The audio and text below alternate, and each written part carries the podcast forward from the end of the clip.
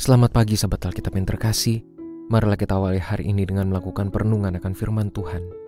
Bacaan Alkitab kita pada hari ini berasal dari kitab Zakaria pasal yang ke-8, ayat yang pertama sampai ayatnya yang ke-8. Datanglah firman Tuhan semesta alam bunyinya. Beginilah firman Tuhan semesta alam. Hatiku berkobar-kobar untuk Sion dan demi dia amarahku menyala-nyala terhadap musuh. Beginilah firman Tuhan. Aku akan kembali ke Sion dan akan tinggal di tengah-tengah Yerusalem. Yerusalem akan disebut kota setia dan gunung Tuhan semesta alam akan disebut gunung kudus. Beginilah firman Tuhan semesta alam. Akan ada lagi kakek nenek yang duduk-duduk di lapangan-lapangan Yerusalem. Masing-masing memegang tongkat karena lanjut usianya.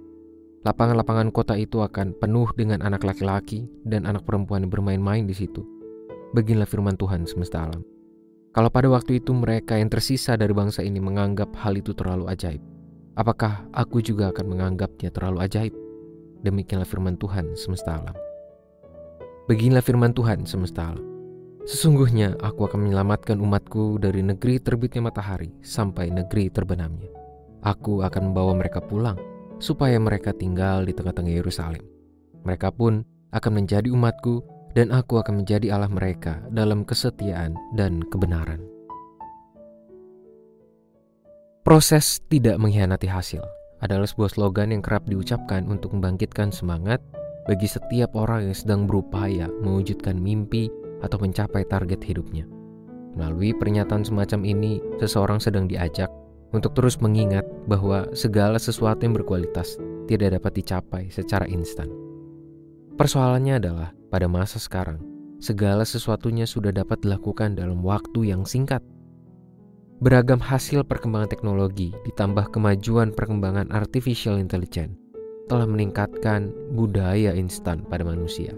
Alhasil, banyak orang yang semakin enggan untuk berproses, namun ingin menikmati hasil yang tinggi. Mereka ingin mengalami dampak secara aktif, namun memilih untuk menjadi pasif dalam proses. Pesan nubuatan yang terkandung dalam perikop ini pun mengajarkan umat Israel untuk berlaku aktif dalam berkat Tuhan.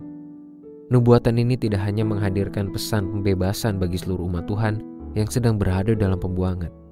Mereka tidak hanya mendapatkan perkataan Tuhan yang penuh pengharapan dan keceriaan bahwa mereka akan kembali pulang serta membangun ulang hidupnya di tanah perjanjian.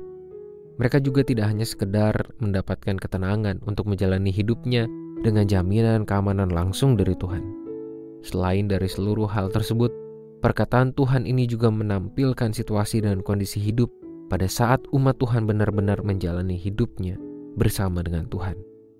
Lebih tepat lagi, pada saat mereka menjalani hidup secara aktif sebagai umat Tuhan untuk membangun kenyataan hidup yang penuh kebenaran dan kesetiaan. Itulah mengapa pada ayat 8 Tuhan dengan sangat spesifik berkata, Mereka pun akan menjadi umatku dan aku akan menjadi Allah mereka dalam kesetiaan dan kebenaran. Perkataan ini semestinya membangkitkan kesadaran pada diri umat Tuhan bahwa hidup bersama Tuhan tidak sekedar menjadi pemeran pasif yang hanya menerima jaminan dan menikmati berkat Tuhan. Lebih daripada itu, setiap umat Tuhan perlu menjadi pelaku aktif untuk hidup dalam kebenaran dan kesetiaan, sehingga situasi hidup yang penuh ketenangan dan keamanan itu pun dapat terus terjaga. Sungguh tidak bertanggung jawab jikalau kita hanya berkenan untuk menerima kelimpahan berkat Tuhan, namun enggan untuk berupaya mewujudkan respons iman yang layak sebagai umatnya.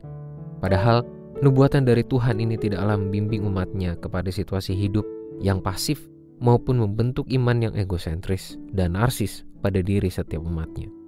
Justru Tuhan sedang membawa kita untuk berperan aktif mewujudkan kualitas diri sebagai umat yang setia dan benar di hadapannya. Marilah kita berdoa. Tuhan di dalam bimbingan kebenaran firman-Mu, tolonglah kami untuk terus menyadari betapa pentingnya berperan aktif sebagai umat Tuhan, mewujudkan setiap keimanan yang kami punya di dalam seluruh aktivitas dan kehidupan keseharian kami. Biarlah kami benar-benar menjadi pelaku aktif dalam bekerja, dalam mengaryakan setiap berkat yang Tuhan berikan hanya dalam nama Tuhan kami Yesus Kristus kami berdoa dan menyerahkan kehidupan kami. Amin.